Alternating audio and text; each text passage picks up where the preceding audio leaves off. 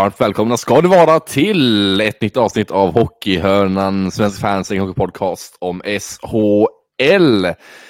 Tillsammans med Melker Wahlström och Andreas Lundskog i vanlig ordning. Och eh, nu är slutspelet mitt uppe i sitt race här och det är på matcher varje dag tycker jag med både negativt kval och slutspel och allt vad det innebär varje dag nu. Så det är kul. Det är mycket hockey blir nu. Eh, men också otroligt kul tycker jag. Andreas, vad tycker du om att det är hockey varje dag nu? Det har man saknat. Ja, det bara rasslar alltså. Herregud, nya matcher, nya möjligheter varenda dag här nu fram till... Ja, det är ju framförallt nu när vi går in i kvartsfinalerna och sen så slutspelet i Hockeyallsvenskan som gör att det blir så pass eh, intensivt och så dessutom ett kvalspel som faktiskt kan ta slut i morgon där också där Malmö har eh, ja, tre matchbollar nu egentligen. Så att, eh, det är enormt eh, rolig tid på året. Eh, bara, det är bara lite mer vårväder som saknas egentligen. Ja, men idag var det 10 grader någon här i Kalmar och sol, så det var lite vårväder idag i Kalmar faktiskt. Ja, det blir jag avundsjuk. Här var det ja. form av så här Budapestväder. Regn, grå, grådassigt och eh, lite halv... Eh, ja, men kyligt. Så att, eh, men vi kämpar på här i Örebro också. Jajamän. Eh, vi börjar väl i kronologisk ordning, tänker jag, Andreas. Och vi börjar i, på, i fredags match, tänker jag då. Eh, kvartsfinal i fredags var det ju mellan eh, dels Färjestad och Frölunda, men också även Örebro mot Timrå i fredags. Eh, dagen efter podden senast var det då i fredags. Eh, Andreas, tycker du om just de två matcher som var där? Det var ju 3-2 vinst till eh, Färjestad i fredags i match 1. Och Örebro tog hem match 1 hemma mot Timrå, en match som du bevakar på plats Andreas. Vad fick du för intryck av Örebro-matchen här på plats i Bern Arena? Jag fick hoppa in som hundvakt så att det sprack. Jaha, jag det sprack där. På, på, på, tv istället. Aj, aj, aj. Jag såg allting på tv istället. Ja. Hemifrån. Eh, det var föräldrarna som var tvungna att åka iväg lite brådskande här nu så att det var lite dålig timing. Men eh, nej, men jag tycker ju att om vi börjar med Örebro-Timrå, där första matchen, så tycker jag att Örebro är klart bättre faktiskt. Det känns som att Örebro verkligen stänger ner Timrås den här offensiven och det känns som att Timrå inte är riktigt påkopplade det är ju en jämn spelmässig match, men jag tycker att Örebro drar det längsta strået ganska så rättvist och framförallt, framförallt i spelet framför mål och får ju liksom stopp på Timrås den här, vad ska man säga, frenesin. Eh, så att, nej, jag tycker att det var en stabil första insats av Örebro på, på hemmaplan i den eh, matchen. Titta på andra mötet så var det ju ett möte som verkligen kokade. Alltså, det var ju otroligt fint med inramningen också i Karlstad där i fredags med tifot och allting som var och eh, det publiktrycket som faktiskt var den matchen. Eh, blir ju lite att, eh, att jag tycker att Färjestad ändå drar det längsta strået och är vassare. Jag tycker att det var en ganska så rättvis seger även om det var tajt och jämnt under långa stunder. Ja, men det var ju väldigt otroligt jämn match här som eh, bestod av mycket närkamper och det var tight spel, det var hårt spel, det var eh, emellanåt lite fult spel också, men det hör ju till slutspel tycker jag också. Eh, så det var liksom en eh, slutspelsmatch, liksom, eh, det typiska slutspelsmatchen helt enkelt. Det hade liksom alla ingredienser för att kunna bli en toppklass slutspelsmatch, vilket det också blev. Eh, en tight match, 3-2 vinst Färjestad, det var otroligt jämnt. Eh, till Färjestad bättre första perioden, Färjestad bättre. Sen tycker jag Frölunda tog över allt med andra perioden där och sen, tack, eller tack vare ett matchstraff, så tog ju Färjestad eh, ett mål också i 5 mot 4 som var där i fem minuter när Sporgman åkte ut för eh, den här knätacklingen på Victor Ejdsell. Ehm, så ja, men det var som sagt, eh, det var periodvis var det var Färjestad bättre, men samtidigt var Frölunda också bättre i vissa perioder i matchen också. Har andra perioder där som tycker jag i början där som Frölunda verkligen öste på. Sen tog Färjestad överallt med tack vare matchstraff som de fick med sig där och powerplay där. Och ja, kunde därmed utnyttja och göra mål det och fick väl lite energi av det också. Och, men det var ju väldigt jämnt och hårt in i det sista var det ändå. Eh, så det var kul att hur som helst egentligen slutat. Men eh, Färjestad vann imponerande ändå när matchen drog längst åt slut. Eh, imponerande måste jag säga. Ja men verkligen. Sen är det ju här Borgmans matchstraff. Alltså det är ju, ah, det är ju så dumdristigt hur man kan ta ett sånt, eh, alltså agera på det sättet och gå in i en tackling på så sätt. Jag vet att det är en olycklig situation, men alltså gå in och ens riskera det. Där måste man kunna bedöma situationen på ett bättre sätt som spelare i det här läget. Att inte utföra en sån typ av tackling. Det var, ah, det var dyrköpt och det blev ju det som till slut blev till mångt och mycket matchavgörande. Liksom. Så att det är ju aj, ett slarvigt, eh, oerhört slarvigt. Jag trodde faktiskt han skulle få längre än den avstängningen han fick, genom att han har åkt på en sån tidigare den här säsongen. Ja, jag tippade ju på att det blir tre matcher innan det beslutet togs, så det är tre matcher också. Men det är på grund av att det är slutspel också. Jag har alltid, alltid allt så i slutspel. Det är alltid så här slutspelsdebatter som man kan kalla det för. Eh, att de alltid drar ner match, matcherna i avstängning för att det är, matchen betyder ännu mer liksom, i slutspelet och är ännu liksom, av större kapacitet och eh, av större vikt för lagen. Så de har alltid ner på matchen lite i slutspel. Kanske med en eller max två matcher. Uh, och uh, med det i åtanke tänkte jag att tre matcher känns ändå eh, rimligt och känns bra. Och jag vet hur det fungerar också. Där speednämnden också, de fungerar som slutspel också. Så det var lite det jag hade i åtanke. Eh, så jag slog ut med gissning på tre matcher, vilket som också blev fallet. Eh, ja, men det känns som en bra ehm, avstängning. om två plus ett blir det då eh, två matcher för Kretak igen plus ett för återfallsförbrytare. Um, som Anders Borgman var där med tanke på att han satt station tidigare under säsongen. Eh, så ja, men det känns ändå som en rimlig och rättvis bedömning tycker jag eh, utifrån alla aspekter och faktorer som spelar in i det beslutet. Mm.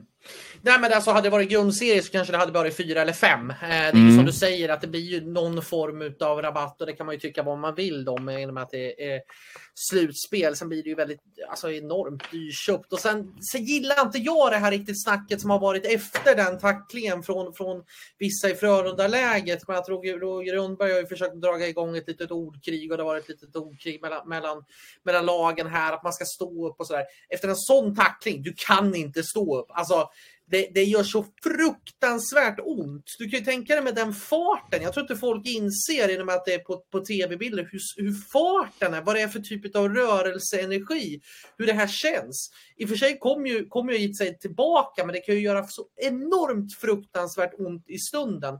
Och att då kalla det här att man förstärker, att man liksom det ska inte få finnas. Det, alltså en sån, det, det är ett matchstraff rakt av, det är inget snack. Liksom.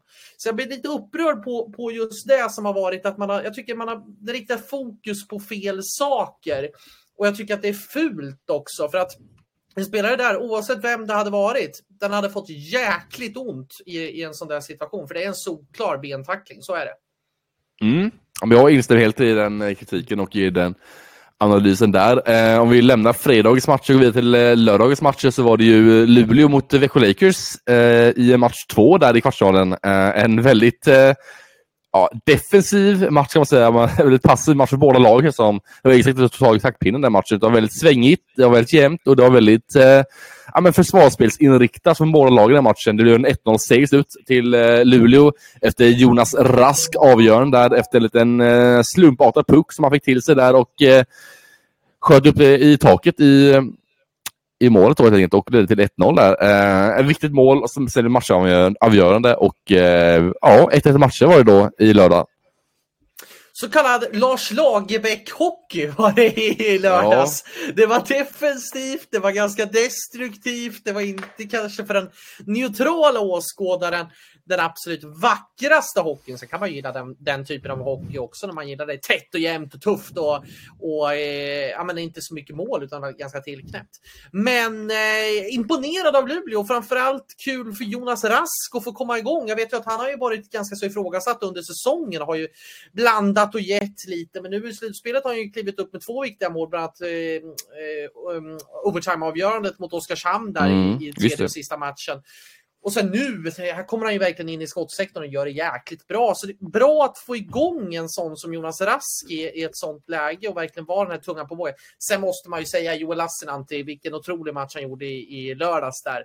Kliver ju upp med jättemånga viktiga räddningar och är ju, ja men så är så där Lassinantti stabil som gör eh, Luleå svårbesegrat. Och då, jag var imponerad för jag trodde man kanske skulle bli svepta här nu. Jag tänkte nu kanske energin loss fullständigt här nu så att eh, Nej, imponerad av i alla fall i, om man tittar på lördagens match. Inte lika mycket imponerad av det vi ska snacka om sen, nämligen dagens Nej. match, men det kommer vi till sen. Mm. Ja, men 16-13 i skott i matchen. Det är, alltså, det är alltså 29 skott på hela matchen från båda lagen i match, eller den matchen. Då. 6 skott för Luleå och 13 skott eh, för Växjö. Jag var väldigt smått orolig där under matchen för Växjös offensiv. Alltså, jag tycker den eh, var inte bra den matchen. Jag tycker det fanns mycket tveksamhet i deras spel offensivt. Det fanns eh, var mycket åka runt tyckte jag i deras anfallszon och för, mycket, för lite insida, för mycket utsida för Växjös del i matchen tycker jag. Visst, Luleå gjorde väldigt bra defensivt också, Luleå, men jag tycker Växjö för lite kreativt spel, för lite eh, få som tog initiativ i matchen offensivt. Och, eh, jag var lite orolig för Växjö är ändå på förhand trubbiga forwardsidor som de har liksom Växjö, så då är man lite orolig då när de inte gör något mål och knappt skapar någon lägen alls. Så Eh, som sagt, en dålig prestation tycker jag Växjö offensivt i matchen framförallt. Jag tycker man, eh, det är för, liksom, det är för fattigt anfallsspel tycker jag. jag tycker det, är, det är lite för eh, runt och det är lite för... Eh, mm, är det är inte bra tycker jag inte, den matchen. Eh, jag skulle ju tycka att man ska komma enklare till skott, till skottlägen. Det känns som att man blir lite för plottriga i, i offensiv zon och man liksom väntar kanske lite för länge på att ta lägena och ja, men det är ganska så plottriga, ganska så destruktiva. Alltså, det, vi har ju verkligen berömt eh, Växjös försvarssida och Växjös målvaktssida som är liksom genomstabil. Alltså den är ju, den är ju klass för att ta SM-guld. Men när man väl går in på offensiven så känns det ju lite halvtrubbigt och, och lite så. Den här matchen som var i lördags, den skulle man ju ha vunnit med flera mål. Så är det ju definitivt alltså. Eh, man har ju lägena, man har ju möjligheten att göra saker och ting med puck. Men det känns som att man inte riktigt har kanske den här största liksom ultimata spetsen, spelarna Nej. som verkligen kan göra skillnad och verkligen kan, kan vara det där avgörande eh, tungan på vågen. Liksom. Nu fick man lite ketchup-effekt idag, men, men, men, där väntar jag lite mer av Växjö faktiskt. Det gör jag faktiskt i, i den offensiven. Ja, jag gör det fortfarande nästan. Även om man mycket idag tycker jag att man väntar fortfarande lite på det här Växjö liksom, offensiva. Att de ska dominera matchbild liksom, och verkligen med, med offensiv så kunna liksom, skapa målchanser och verkligen kunna liksom, hitta de här heta chanserna som tycker jag saknas under samtliga matcher egentligen för Växjös del. Um, kanske lite mer idag då. SD är rätt riktning tycker jag ändå det var idag för Växjös del. Uh, men uh, ändå en, finns ändå tveksamhet tycker jag till Växjös offensiv tycker jag. Uh, under säsongen så har det varit mycket att uh, det är backarna som driver på det offensiva spel med Lukas Bengtsson, Joel Persson, Hardan McTell. Det är de som liksom har drivit på den offensiven i Växjö under hela säsongen utifrån ett bra sätt. Samt med Robert Rosén då. Uh, och, kanske någon, och Tobias Rieder då och någon enstaka forward till. Men det är inte så många forwards som driver på det Växjö framåt. Och Tobias Rieder eh, har ju varit alltså osynlig än så länge. Han gjorde mål idag eh, från stillasittandes, eh, men eh, ändå gjort ganska osynlig under hela matchserien i stort sett, förutom idag. Då. Men eh, alltså, Robert Rosén eh, skulle vara trollgubben som man väntar på lite i Växjö där, men han har ju gjort det helt okej tycker jag så länge, men helt okej räcker inte till den här säsongen för Robert Rosén om han ska kunna leda till Växjö framåt. För han behövs liksom vara i sin ultimata liksom, form nu för att Växjö ska kunna liksom, eh, vinna eh, matcher här och för att kunna ja, men kunna bjuda på en offensiv frenesi och kunna bjuda på lite eh, Hitta målchanser och, eh, eller ta hitta målchanser och ta initiativ framåt. Eh, det tycker jag, där måste liksom Rosén upp ett par hack till för att kunna liksom, leda veckor framåt. och jag tycker det saknas lite där i veckan att man har den, den här härföraren just nu. Det har varit lite mer så här, ja, lite utspritt har det varit och mycket att backarna ska ta initiativ och backarna ska liksom vara härförande offensivet. Och det tycker jag är lite missvisande där. Ehm, tycker jag också. Ja, alltså man gjorde ju 153 mål i, i grundserien och det var femte bäst i hela SHL. Men det känns ju som att lag, liksom Skellefteå gjorde 165 och har ju bara fått igång sin offensiv lite nu, bland annat på segern i Rögle ikväll här nu. Eh, men det, det, känns som att det finns mer att kräma ur av det här Växjö, framförallt i offensiven också. Eh, sen vet jag inte riktigt hur, hur pass mycket, för det är ju den defensiva stabiliteten. Jag tror att vi kommer att få ha, tror det kommer bli ganska målsnåra matcher om Växjö kommer gå långt i det här slutspelet. Jag tror det kommer vara ganska tajta, jämna, tuffa matcher. Det är ju defensivt som man är liksom. Giorgio Kirillini resoluta no. för att dra lite fotbollstermer. Nej, men, alltså, det är den här lite Lars Lagerbäck-hockeyn att, att det kommer vara tufft och jämnt och tajt och, och det är ju där man försöker vinna matcher på. Sen vet jag inte om det kommer räcka hela vägen, men det känns som att man måste i alla fall upp två, tre växlar till för att kunna vara på den här SM-guldnivån. Liksom. Man har ingen Elias Pettersson eller man har ju inte den typen av spelare i år tycker jag, den här just ultimata spetsen. Det tycker jag inte man har i det här laget. När jag kollade om tidigare och så säger det med Les Pettersson, det som hade så här, eh, jättebra spets tycker jag de senaste åren de har vunnit här med Les Pettersson, Jeff Tambellini, det var Thomas Kiesken ett år, Andrew Calof tror jag var det också ett år och mm. gjorde bra i guld också. Det var många så här spelare som verkligen ledde lag offensivt.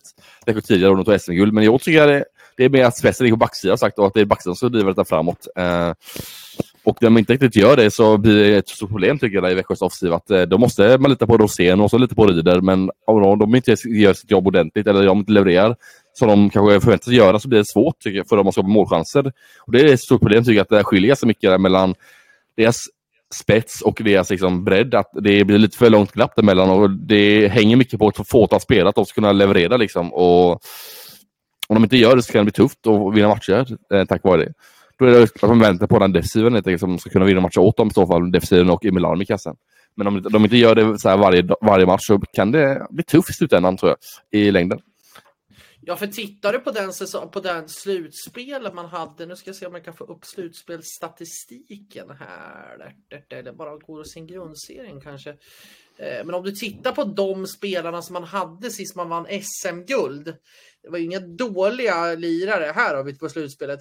Det var ju liksom, det hade en Jack Drury som gjorde 11 poäng på 14 matcher i mm. slutspelet. Man hade en, en Pontus Holmberg som också klev in med 14 poäng, 14 poäng på 14 matcher. Ja. Eh, man, hade, eh, man hade spelare som eh, Emil Pettersson, Robert Rosén var ju där då, men det var ju just de här spelarna som, som, som var det stora loket. Eh, Brandon Gåns gjorde också ganska så bra, 7 poäng på 12 matcher. Men, men mm. Eh, jag ser inte riktigt att den spetsen finns riktigt i det här laget. Man har Robert Rosén som har gjort en fantastisk säsong, men jag tycker inte man är riktigt på den nivån som eh, Aj, det ska bli intressant att se hur Växjö hanterar den här situationen. Imponerad av försvarsmässigt och försvarsmässigt har man alla möjligheter och målvaktsmässigt att vinna ett SM-guld. Men eh, se om man kan få lite mer fart i offensiven. Mm, det behövs verkligen tycker jag Växjö, att de behöver få igång lite mer. Eh, och Lassinantti höll nollan eh, och eh, slog rekord också i och med den nollan. Hans 46 nolla tror jag det var eh, i slutspel och i grundserie. Eh, och nu gick nu kanske förbi Stefan Liv nu och ligger nu etta också. Eh, totalt sett över slutspel och grundserien då, i antal nollor i SHL slash elitserien genom alla tider. Så det får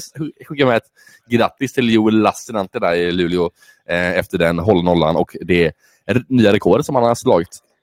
Absolut, en av de absolut mest trevliga hockeyspelarna jag faktiskt har träffat. Jag har träffat honom flera gånger, men jag har ju faktiskt käkat burgare med honom. Käkat burgare med honom. Eh, eh, Bulan Berglund och eh, eh, vad heter det, Micke Sjöqvist. Ja. en, ja, vi var, vi var ett, gäng där. Det var ett riktigt på... rövargäng. Bulan ja, var en domare och sen du i mitten och sen har vi eh, målvakten Johan Lassant där. Så det känns att det var en hel eh, del diskussioner ja. där. Ja, det var det. Det var, ro, det var ja. roliga diskussioner. Vi var på SHL Awards för några år sedan på, eh, vad heter det när de hade den? Lasse Nante faktiskt vann årets målvakt där.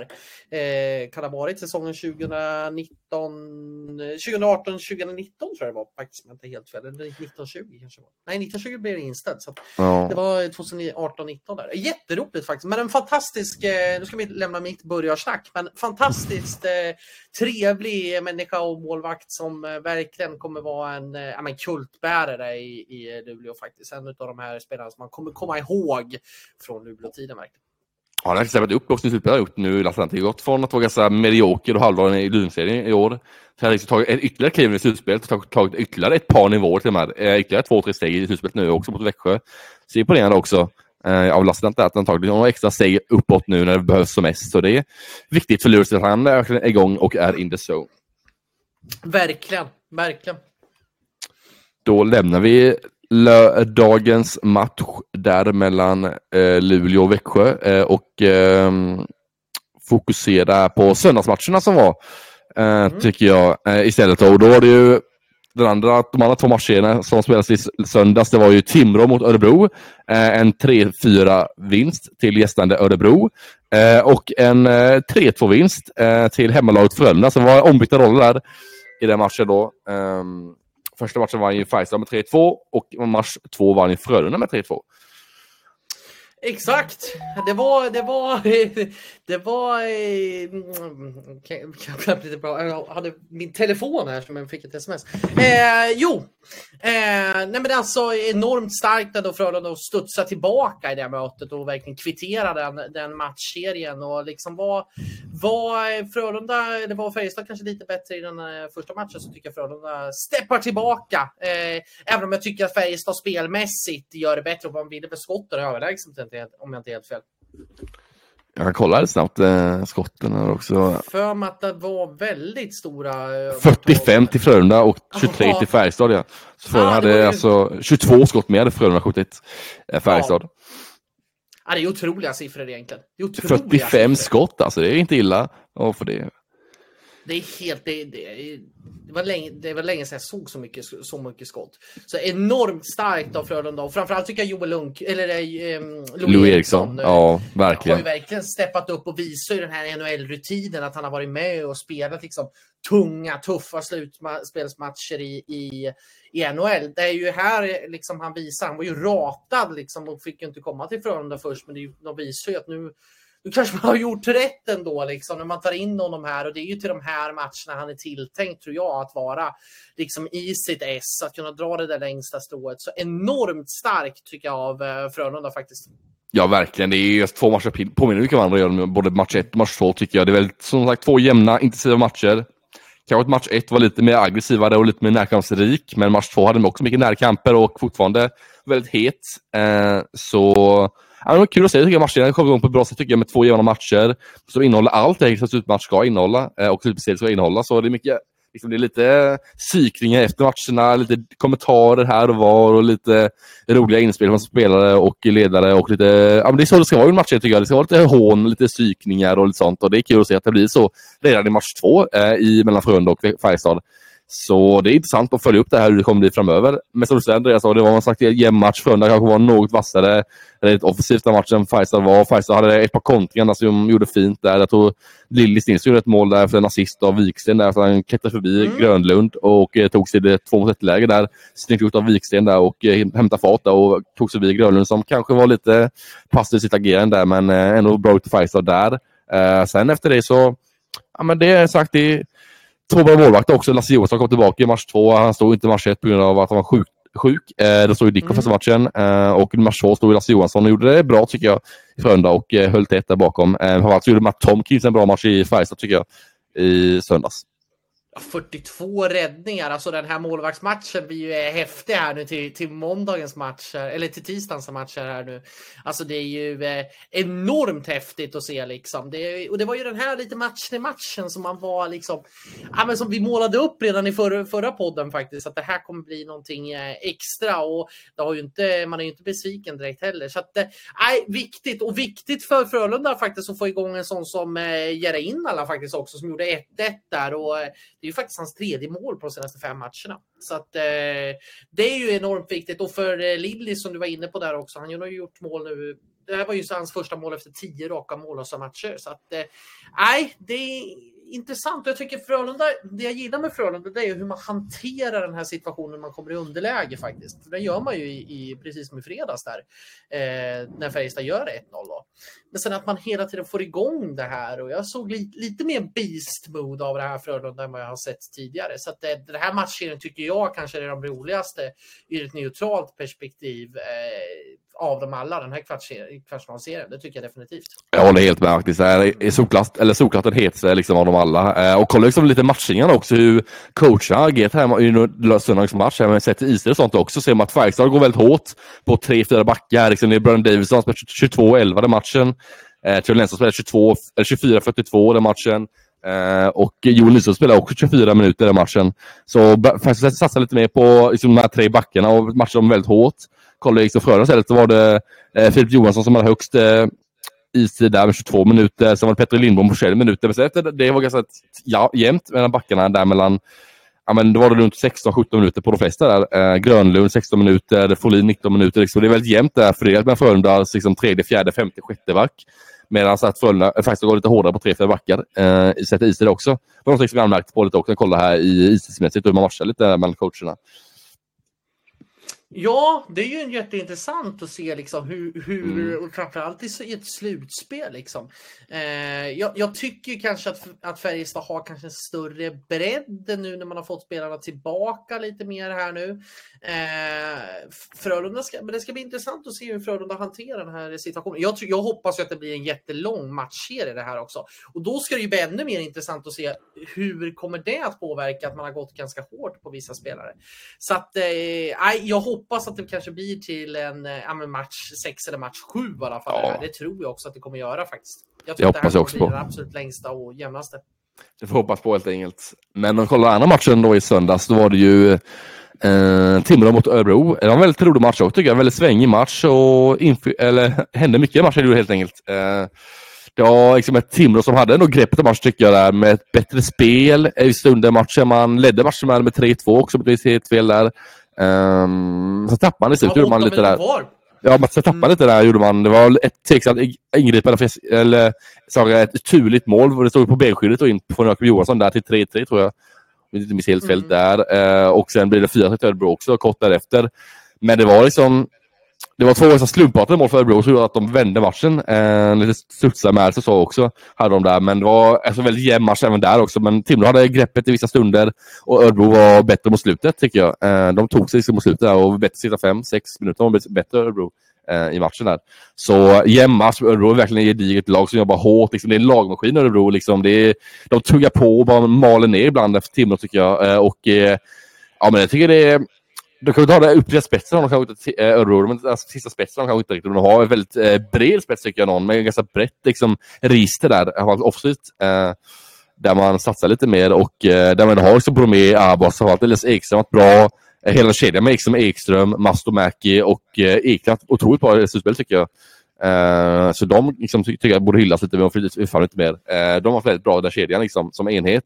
Sen är William Wikman var bra också i söndags tycker jag också, eh, för Örebros del.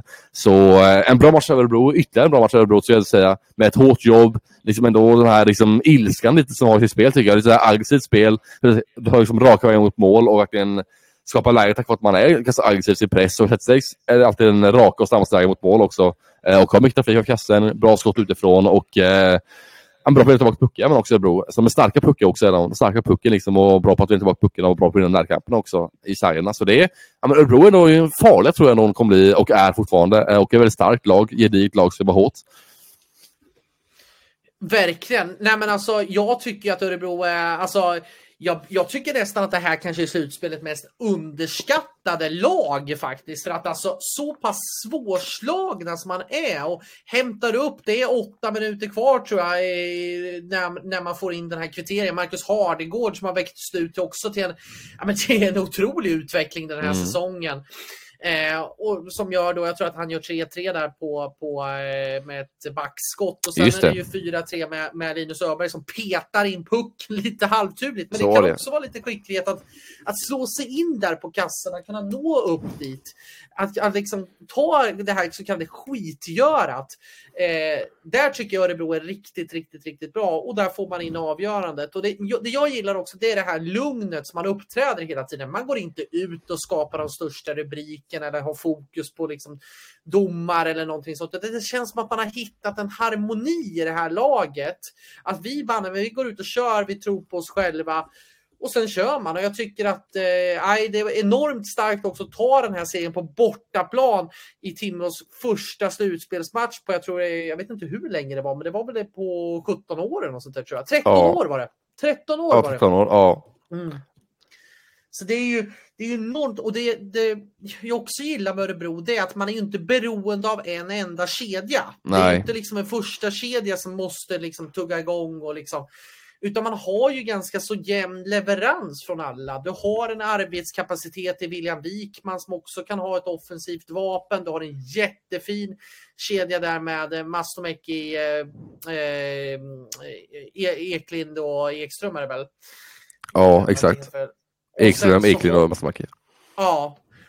Och liksom den arbetar hela tiden på kontinuitet och allting sånt. Jag tycker att backsidan också är väldigt gedigen, kanske lite odisciplinerad ibland, men, men väldigt gedigen och, och så har man en Jonas Enroth som börjar närma sig slutspelsformen här också. Jag tycker han Mm. gjorde en jättefin match också uppe i, i Timrå. Så att, så att det, det kommer bli ett svårslaget lag och jag vill faktiskt måla upp Örebro lite. Jag ska inte säga att de kan gå hela vägen, men en finalkandidat. Jag skulle inte säga att det är omöjligt för, för alltså så pass svårslagna som det här laget är. Jag tror att jag tror Timrå kommer få det väldigt, väldigt tufft här nu att vända 2-0 och en semifinal och kunna få någon, någon, någon typ av motstånd. Det beror ju på lite vad det blir då, men eh, jag tror att Örebro kan gå lite under radarn. Jag tror att det här kan vara lite ett överraskningslag. Lite som man var 2020-2021 när man var en, en SM, ja, en match, en, en semifinalmatch från att gå faktiskt till en eh, final. Eh, Växjö var ju lite, numret starkare där man förlorade, jag tror det var 4-2 eller något sånt där i, i, i den mötet. Då, då. Så att jag, jag tycker de, de, om man, jag som har varit väldigt nära laget så tycker jag att den, den truppkonstellationen och det sättet som man arbetar med är ganska så likt den säsongen. Man har inte de mest utpräglade spetsspelarna, man har inte de största förväntningarna på sig. Men tog fan med att man, att man har ett lag som jobbar stenhårt för varandra, som är där och allting som har varit runt omkring med Niklas Erikssons vara eller icke vara som tränare, Rodrigo Abol ska till Rögle och allting sånt. Det känns som att allting bara knyter den här gruppen samman och bara nu, nu banne med kör vi på något sätt. Så att, eh, jag tror att Örebro kan bli livsfarliga om man ska vara ärlig. Mm, jag tror också det. Eh, det kan bli tufft Timrå att vända detta. De ligger med två mål i matchen i Timrå, så det måste vinnas vinna fyra av fem matcher. Det måste man göra det nu i Timrå och det kommer bli tufft. Eh, men eh, samtidigt så också, alltså Örebro hos de många tappar form tycker jag också i Örebro. Alltså, alltså Rasmus Rissanen, Gustav Backström gör det väldigt bra tycker jag defensivt. Alltså, Rissanen framförallt tycker jag gör det väldigt bra defensivt båda, båda matcherna. Så lite odisciplinerad ibland kanske, men han gör det väldigt bra defensivt och alltid ett bra jobb tycker jag. Och verkligen väldigt stark han också. Det liksom, närkamperna är alltid rätt plats vid rätt, vid rätt tillfälle och eh, de många sådana liksom spel som ändå är så här lite under radarn kanske, men också spel som alltid levererar tycker jag. Som Gustav Backström, som liksom Rissanen, eh, som Bastumäki, som liksom Milton Oskarsson tycker jag också är en sån spelare som in där också. Så har de många gedigna spelare som verkligen eh, toppar formen när det kommer till slutspel. Och jag tror det är många liksom, det är väl slutspelsbebyggt lag också tycker jag. Med eh, liksom, starka spelare, stora spelare som gillar att tacklas. Som inte är orädda att ta den här liksom, skitjobbet eller orädda att ta den här snabba vägen in mot kassor. Liksom, även så det gör ont. Liksom. Det är många spelare som inte är orädda, tycker jag, i, eh, ja, som är orädda i Örebro. Eh, så det tycker jag också visar på en bra karaktär och eh, på ett eh, ändå, att kan hålla i längden. Ja, de enda två liksom, nyckelfaktorerna eller förbättringsfaktorerna som man kan se, det finns ju flera, men som jag har tänkt att fokusera lite extra på, det är ju man skulle kanske behöva få igång Bromé, eh, Abols, Emil Larsson kanske lite bättre. Jag tycker de har varit kanske lite, lite, lite bleka. Jag säger inte att de har gjort dåligt på något sätt, men man skulle behöva få igång dem i, i poängprotokollet på ett, mm. på ett mm. större utsträckning här nu i, i kvartsfinalserien.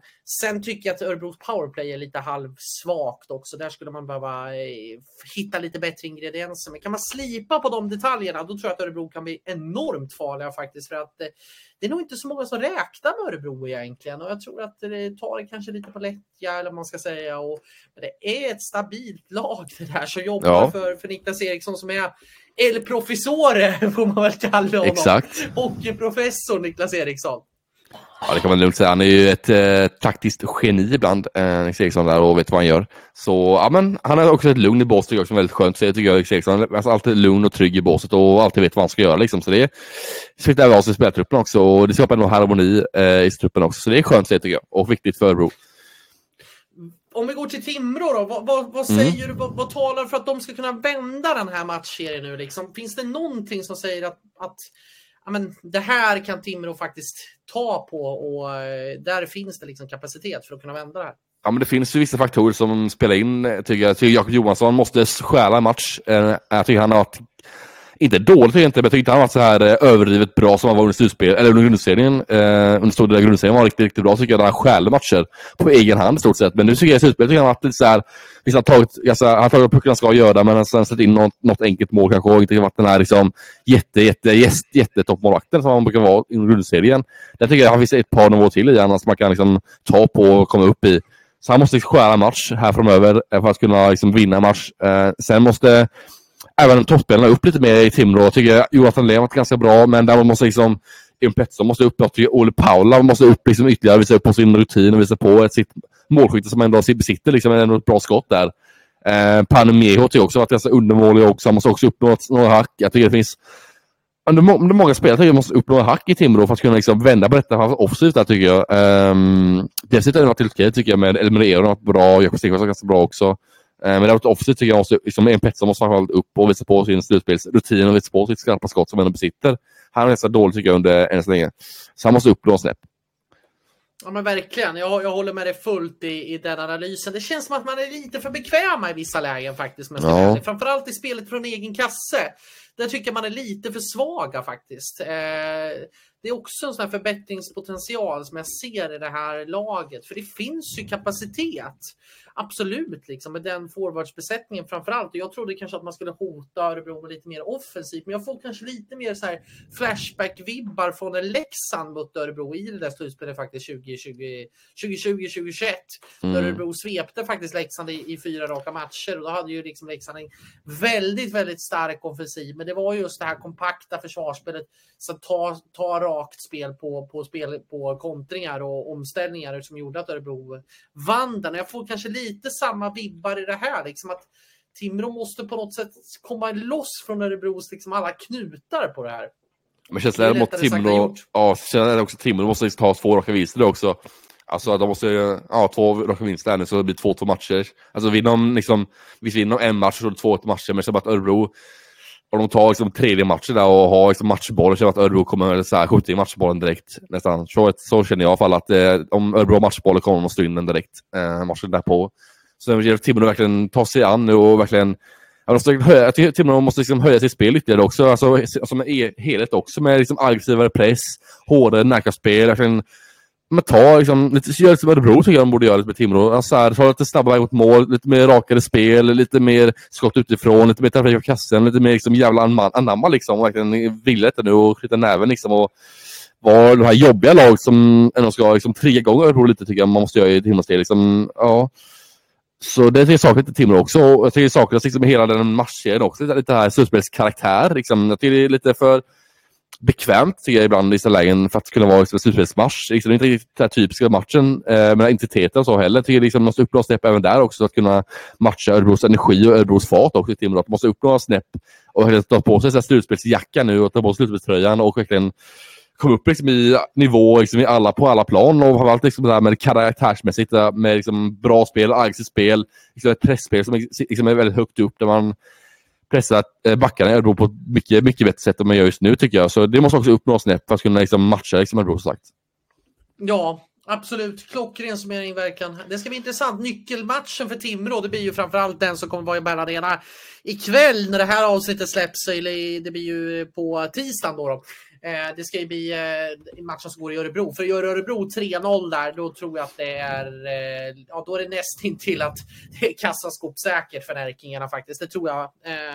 Jag, tror det, det, jag vet inte om det har hänt förut att någon har vänt 3-0 i en matchserie. Det tror jag aldrig har skett. Så att, nej, den, den, blir ju, den blir ju enormt och det, blir ju, det är ju ett bortamöte också så det är ju rejält tufft faktiskt. Så att, Nej, det ska bli intressant att se hur eh, den här matchutvecklingen kommer att, den här matchen kommer att utvecklas till nästa podd. Ja, jag tycker vi rundar av kvartsfinalssnacket ehm, eh, här med att summera eh, kvällens matcher också. Idag måndag. Klockan är just nu 22.21 här måndagskvällen spelar in detta poddavsnittet och eh, så spelade ju två kvartsfinalsmatcher i SHL. Eh, det var ju Skellefteå AIK mot Rögle eh, och Växjö mot Luleå. Det har varit ganska jämna matcher hittills i slutspelet. Varit. Eh, men ikväll var det ingen snack om saken. Det var Skellefteå som dominerade sin match och det var Växjö som dominerade sin match. Det är ett målmässigt, men spelmässigt också, eh, skulle jag säga. Skellefteå vann med 5-0 eh, mot Rögle eh, och Växjö vann med hela 7-2 slut mot Luleå. Eh, även Luleå-matchen var lite jämnare emellanåt eh, så blev det underskott till slut. Eh, det var ett ketchup-effekt också eh, när man gjorde mål i tom bur lite och så. Så det drog väl lite på slutet helt enkelt, den Växjö-matchen. Eh, det var jämnt till en början. Liksom, Luleå med, tror jag. Eh, det blir helt fel. Eh, och sen drog Växjö ifrån. Sen när man fick in två snabba puckar där så ledde det 3-1. Eh, och sen efter bara drog man iväg eh, allt eftersom. Ja, det var verkligen. Eh, jag trodde det kanske skulle bli lite målsnålt i de här matcherna. Att det skulle ja. bli jämnt och tajt och tufft. Och I början var det i alla fall i, i en match. Men vi kan ju börja upp i, i Västerbotten då. Där det ja. var där Skellefteå verkligen eh, ja, men trumma igång. Det måste man verkligen säga. Jag är enormt imponerad faktiskt. Efter att ha varit lite den här, ja, men spela lite, jag ska inte säga rådåshockey, men lite semesterhockey har det faktiskt ja. varit tycker jag från, från Skellefteå. Framförallt i den, i den första matchen som Rögle vann. Nu tycker jag faktiskt att man är påställd faktiskt i, i helt och visar ju prov på den här fantastiska offensiven som man faktiskt har att vinna, ta sig in framför kasse, får till skotten. Är liksom, jag, jag är jätteimponerad av hur Skellefteå bara städar av den här eh, matchen faktiskt. Enormt eh, starkt också nolla ett lag också på det sättet. Och det, jag tycker inte det var något snack faktiskt. Jag tycker att det här var, var eh, nej, det var enormt imponerande tycker jag. Sen är det lite för hafsigt till vissa delar. På, på, jag vet att Linus Söderström inte var helt nöjd faktiskt. Nej. Han fick för övrigt en cykel i, i ja. present. Eh, som matchens lirare faktiskt. Nej, men det, det, det, det, finns vissa saker som Skellefteå också behöver förbättra, men jag tycker ändå det är starkt offensivt att ta den här segern. Ja, och Faveli Söderström också, nu in på tidigare, att han har ju hållit nollan i två matcher och det har gått 120 minuter gått nu utan att Rögle har nätat eh, på Linus Söderström i Skellefteå. Det är imponerande tycker jag också. Och det är också liksom, som lite lite som gör också, att Linus Söderström kliver fram och gör några viktiga räddningar där, eh, framförallt i mittperioden. Eh, och det blir också en matchavgörande i slutändan också, med tanke på att eh, det kunde ha stått helt annorlunda. Det kunde ha blivit ett, två mål för Rögle där, men han kliver fram och verkligen visar upp sin slutspelsform sedan 2017 som han hade med HT1. De tog guld 2017. Verkligen.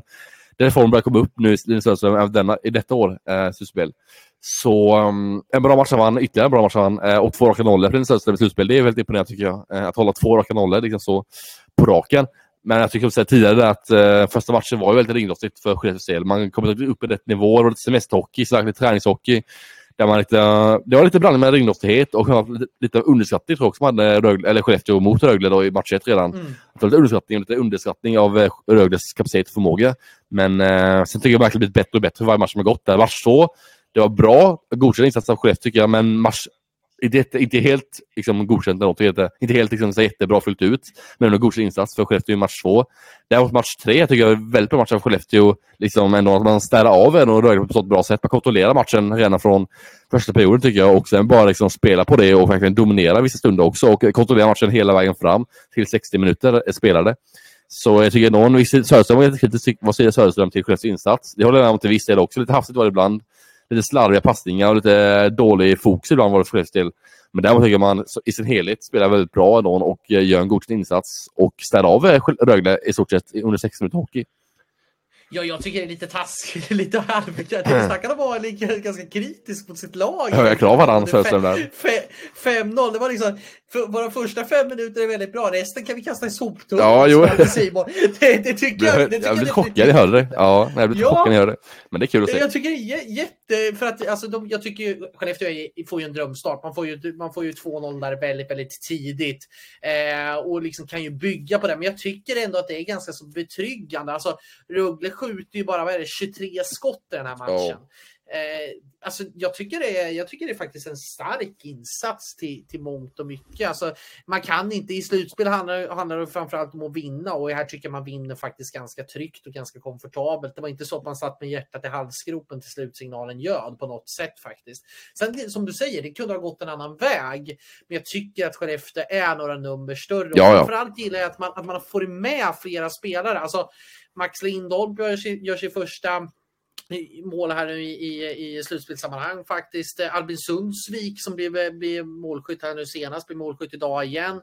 Det känns som att man, att man får igång fler och fler spelare och det är ju här vi har väntat lite på. Så att, eh, nej, jag, jag är faktiskt imponerad. Rögle kändes det som att eh, man är ju inte påkopplade från start. Eh, och och eh, hamnar ju 2-0 och 2-0 på bortaplan mot Skellefteå. Det finns ju lättare uppgifter att mm, lösa. Mm, verkligen. Så, liksom.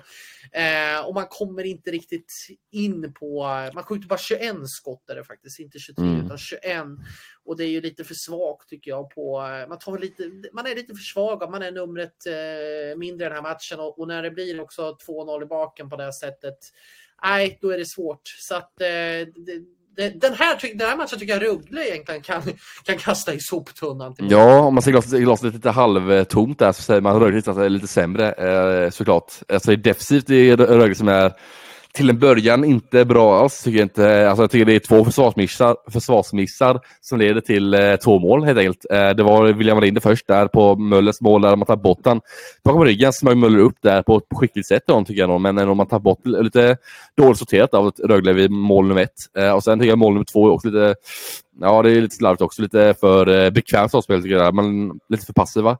Eh, så Rögle tycker jag till en början var väldigt eh, dåliga defensivt och satte sig själv i en dålig sits. Man släppte in två så relativt enkla mål får jag säga. Eh, och så bara rann iväg sen slutet gjorde också med eh, mål i tom bur. Så det blev också Att vi ser ja, fel. Exakt. Och sen eh, var det även eh, Sulsvik där som kom in också väldigt lätt också. Där man släppte in Sulsvik i kassen och han bara fick vandra in och lägga upp till krysset. Liksom. Det är också lite för slappt svarspel från Rögles sida också.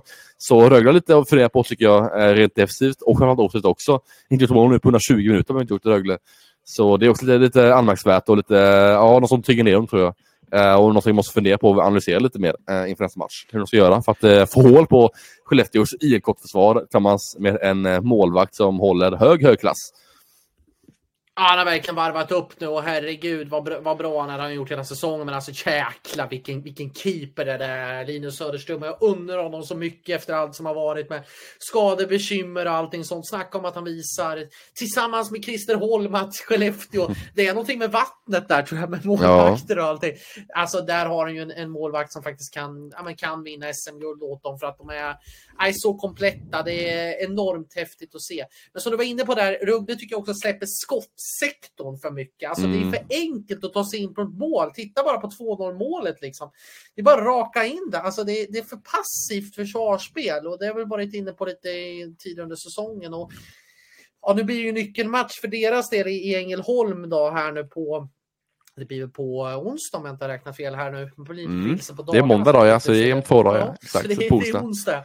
Och nere i hajtanken i Ängelholm där och det är väl kanske Ruggles kanske sista chans faktiskt. För att blir det 3 i matcher då tror jag att det, då tror jag det blir rätt så tufft faktiskt för, för Ruggle. Så att, mm. Nej, det kändes som att det var ett steg i rätt riktning och jag tror att eh, Skellefteå kommer att vara numret. Skulle jag tippa den här kvartsfinalserien nu så, så tycker jag att Skellefteå är numret större faktiskt. Och de är favoriter. Ja, de är lite favoriter från början också var ju Skellefteå där. Ja. Så det var ju rätt självklart ja, ja. skulle bli så här, den känns som just nu. Men det känns som att uh, Rögle kan ändå sätta emot. Alltså där, Rögle visade sig bra första match tycker jag. Att de gjorde ändå ett bra deficit där. Men man måste upp till den nivån igen. I Rögle håller inte bara att göra en match. Man måste upp nu varje match och hålla, hålla den liksom, defensiva nivån ändå. Liksom, det är lite för tafatt och lite för klent försvarsspel tycker jag idag framförallt. Så det måste räkna upp nästa match. Sen vet man inte de där tre matcherna mot Leksand, hur mycket det liksom påverkar i benen fortfarande. Det känns ju som att det, det, kan ha påverkat ganska mycket faktiskt. Eh, just när det handlar om sådana här millimeter liksom, detaljer, när det handlar mm. om sådana små detaljer eh, på det. Och när man börjar tumma på dem, då, då går det ofta emot. Liksom. Då ska man ha väldigt mycket mer studsar om det inte ska gå emot. Så att, nej, det känns som att Skellefteå på på allt och det är klart att de är det. De är ju serie två, herregud. Mm. Men då känns det som att det är... Nej, det känns som att de är numret större. Jag gillar också att Möller är tillbaka den kedjan med Hugg och Jonsson också inför slutspelet mm. också, som satt ihop den kedjan igen. Jag tycker det är väldigt bra att man satt ihop de, två, eller de tre igen. Eh, det är också viktigt tycker jag för deras offensiva fart och framförallt och deras kreativitet framåt. Verkligen. Och sen Joakim Lindström värvar ju alltid mm. upp när det är slutspel. Vet, han gjorde sitt hundrade poäng i slutspelssammanhang. Mm, tre nu ligger han efter Johan Davidsson ja, som ligger tvåa och sen är det väl Jörgen Jönsson etta. Jajamän, du kan din ja. hockey, ja. dina hockeykunskaper, det kan vi verkligen säga. Ja, nej, så att det, det kändes verkligen som att eh, det ska bli intressant. Nyckelmatch för Rögle på onsdag nere mm. i eh, Ängelholm, definitivt. Det kan vi verkligen. Du måste få en bra start matchen, hålla defensivt och hjälpa Isak mycket mer och att få in ett mål måste få in också. Det är bara det är en bedrift för Rögle att få in ett mål här, eh, så det vore någonting för dem att ta med sig. Ja, för jag tycker det, är fler spelare som måste upp. Jag tycker att liksom Marco Kasper tycker jag inte alls, men det är ju för sig, han är ju junior och liksom är ju inte kanske van med den här typen av hettan liksom. Men, men just mer offensiv kapacitet, Oskar Ståhl Lyrenäs, ja, och Larsson är den duon. Ja, Exakt, den, där, där måste det upp eh, helt och hållet liksom, om Rögle ska ha en chans den här, i den här kvartsfinalserien. Men Larsson och Solinas var ju glödheta i grundserien tycker jag, tillsammans där, den duon mm. där. Det är riktigt bra slutspel, eller grundserien. Sen har börjat svalna av nu och eh, glöden börjat avta nu i, i slutspelet tycker jag. Man tycker man ser inte så mycket matcher, det är ganska osynligt för deras sida lite oroväckande också där, tycker jag. Att de inte riktigt visar upp sig på sin rätta och sin höga nivå som de brukar göra. Någon. Så där måste de upp också några snäpp i Rögle. De har en kapacitet att kunna leverera på bättre nivå än vad de gör. Eh, och eh, det måste de verkligen upp nu. Frågan är, ska, ska man liksom behålla tålamodet och, och köra dem fortfarande kvar eller tycker att man ska eh, börja titta på rokader eller sådana saker? Ja, men jag tycker man kör de två ihop. Jag tycker man kan, kan addera en ny tredjelänk kanske i den kedjan. Mm. Typ, ja. Adam Eslöv kanske eller någonting sånt. Ja. Eller Dennis Eberg kanske ska spela den kedjan. Kanske också bara för att få lite rotation där också för att få lite mm. mer. Eh, ja, Dennis Eberg kanske den kedjan. Det tror jag också Everberg hade kunnat gått bra med sin tyngd. Och ja, det jag tänker också någon stark spelare. Ja, någon Edström, Everberg typ den kedjan liksom, som kan gå in med lite större kraft och vinna mycket mer närkamper och verkligen ta den här skiten framför kastelse för att stå Lynäs och Luleå Larsson trolla på kanterna. Tänker jag. Exakt. Nej, där tycker jag definitivt att eh, det finns lite mer att ta där. Definitivt mm. av, eh, av eh, Rögle. Verkligen. Um, så blir Bulan på läktaren också. Blir Bulan idag. Mot Växjö blir Bularna i Luleå-tränaren då. Blir på läktaren. Jag tror de fick två och så fick en abuse official utvisningar där eh, på två minuter. Det var någonting där i ska vi, Luleå. ska vi höra hur det lät? Det kan vi göra. Det kan vi göra. Förstår du det? Eller hur, hur ser du på situationerna på liksom... Nej, men den första på bränslen, crosschecken är ju solklar. Det, det tycker jag inte är något... Ja, alltså, frustrationen kommer från det här 1-0 målet. på Luleå, två minuter. Ytterligare en official, är det så? Kommer ja, det var ytterligare en utvisning för abuse of official. Det är 1-0 målet som jag tror liksom har byggt upp en frustration. När Niklas Olausson blir tydligt fälld, tycker jag, av Ludvig Nilsson. Eh, som leder alltså till 1-0 målet. Och det är också ett problem att man sitter kvar i den frustrationen. Sen har det varit ett, ett par situationer, absolut. Men nu ser du på de här utvisningarna, de här abuse of official som kommer nu. Alltså, de radar upp, så det är bara... Matchen är ju slut. Alltså, det står 5-2 på tavlan. Ja, vad händer nu då? Kommer det ytterligare grejer? Det här verkar vara något mer på gång. Och nu applåderar... Så. Ja. Ska vi lyssna? Misconduct på ledare i Luleå. Nu hörde jag inte vad han sa här inne i arenan eftersom hejarklacken och hemmafansen jublar så, men Thomas Berglund får lämna. Game misconduct. Ja, en game misconduct av, uh, av uh, Bulan Berglund. Ja. Vi har snackat innan här ja. när vi drog igång sen. Exakt. Uh, att det, typ aldrig har hänt i svensk uh, hockey tror jag. Det var Bert Robertsson i Linköpingstiden där som tog ja. som vi är inne på. Exakt. Och sen också, det är lite, jag tycker det är ändå rätt så här, eh, annorlunda sekvens också. Här. Det först blir en abuse official, sen blir det två abuse official, men det tar aldrig slut. Sen blir det tredje. Alltså en game is conduct blir det sen, det tar aldrig slut. Eller? Det blir bara mer skit på mer skit hela tiden i slutet. De tappade helt och hållet, hur? De. Eh, och Bula var liksom väldigt arg till hela matchen. Han brukade vara frustrerad och arg och yttra på domarna eh, under, hela, alltså under matcher, men han brukade hålla på rätt nivå. Men nu han bägaren verkligen över här för Burnas del och blir uppskickad på läktaren och allt också. Det var lite annorlunda, annorlunda sekvenser där med eh, en del utvisningar igen där och eh, att han skickar upp ledaren på läktaren. Det händer inte varje dag i SHL om man säger så. Men eh, inte heller jättehög odds att det är Bula som just är en coach som blir uppskickad på läktaren. Det är ingen jättehög odds om man säger så. Nej, jag hade blivit mer överraskad kanske om det var Martin Filander eller någon, någon Niklas annan. Eriksson eller något sånt. Ja, det är Niklas Eriksson. Då, då kan jag säga, då hade jag blivit rejält, ja. rejält förvånad. Men alltså, jag måste faktiskt säga här, jag tycker Luleå uppträdde som P12-lag i den här matchen. Alltså, okej okay att man kan vara frustrerad, okej okay att det kanske skulle vara en tripping där på, på en veckospelare där i samband med 1-0 målet.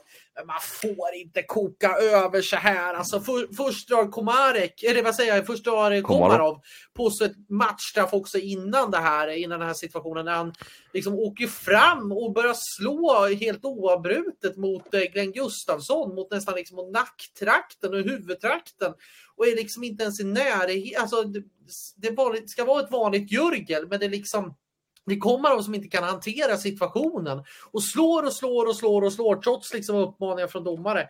Och så åker han ju ut på ett matchstraff, eh, game misconduct. Och alltså, nej.